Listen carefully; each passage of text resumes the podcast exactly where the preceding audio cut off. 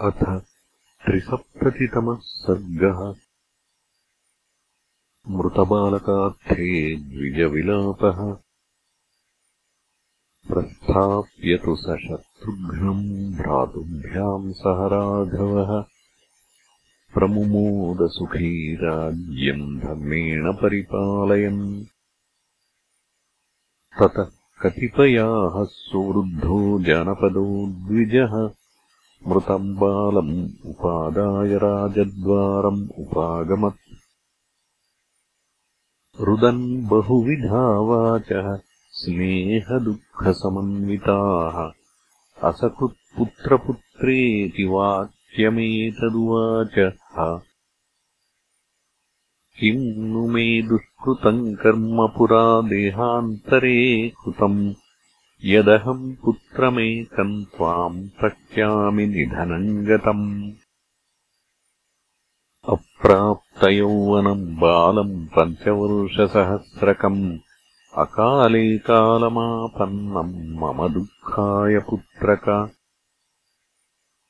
अल्पैरहोभिर्निधनम् गमिष्यामि न संशयः। अहम् च जननी चैव तव शोकेन पुत्रक न स्मराम्यनृतम् युक्तम् न च हिंसाम् स्मराम्यहम्। सर्वेषाम् प्राणिनाम् पापम् कृतम् नैव स्मराम्यहम्। केनाद्यदुष्कृतेनायम् बाल एव ममात्मजः अकृत्वा पितृकार्याणि गतो वैवस्वतक्षयम् नेदृशम् दृष्टपूर्वम् मे श्रुतम् वा घोरदर्शनम् मृत्युः अप्राप्तकालानाम् रामस्य विषये यथा। रामस्य दुष्कृतम् किञ्चित् महदस्ति न संशयः। यथा हि विषयस्थानाम् बालानाम् मृत्युरागतः। न ह्यन्यविषयस्थानाम् बालानाम् मृत्युतो भयम्। त्वम् राजन् जीवयस्वैनम् बालम् मृत्युवशम् गतम् राजद्वारिमरिष्यामि पत्न्या सार्धम् अनाथवत्। ब्रह्महत्याम् ततो रामसमुपेत्य सुखी भव। भ्रातृभिः सहितो राजन् दीर्घमायुरवाप्स्यसि। उषिताः स्म सुखम् राज्ये तवास्मिन् सुमहाबल।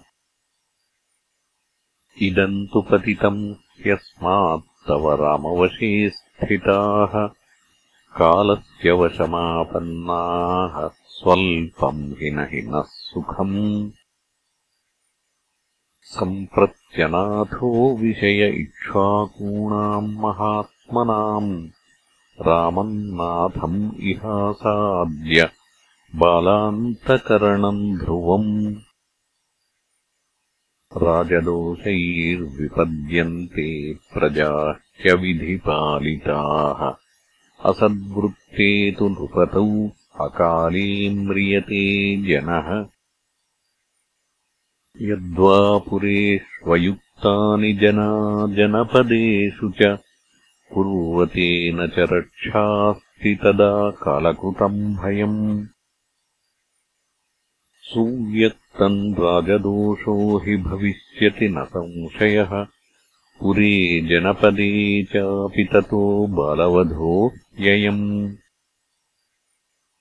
एवम् बहुविधैर्वाक् यैः उपरुध्यमुहुर्मुहुः राजानम् दुःखसन्तप्तः सुतम् तम् उपगूहते। इत्यार्षे श्रीमद् रामायणे वाल्मीकीये आदिकाव्ये उत्तरकाण्डे त्रिसप्ततितमः सर्गः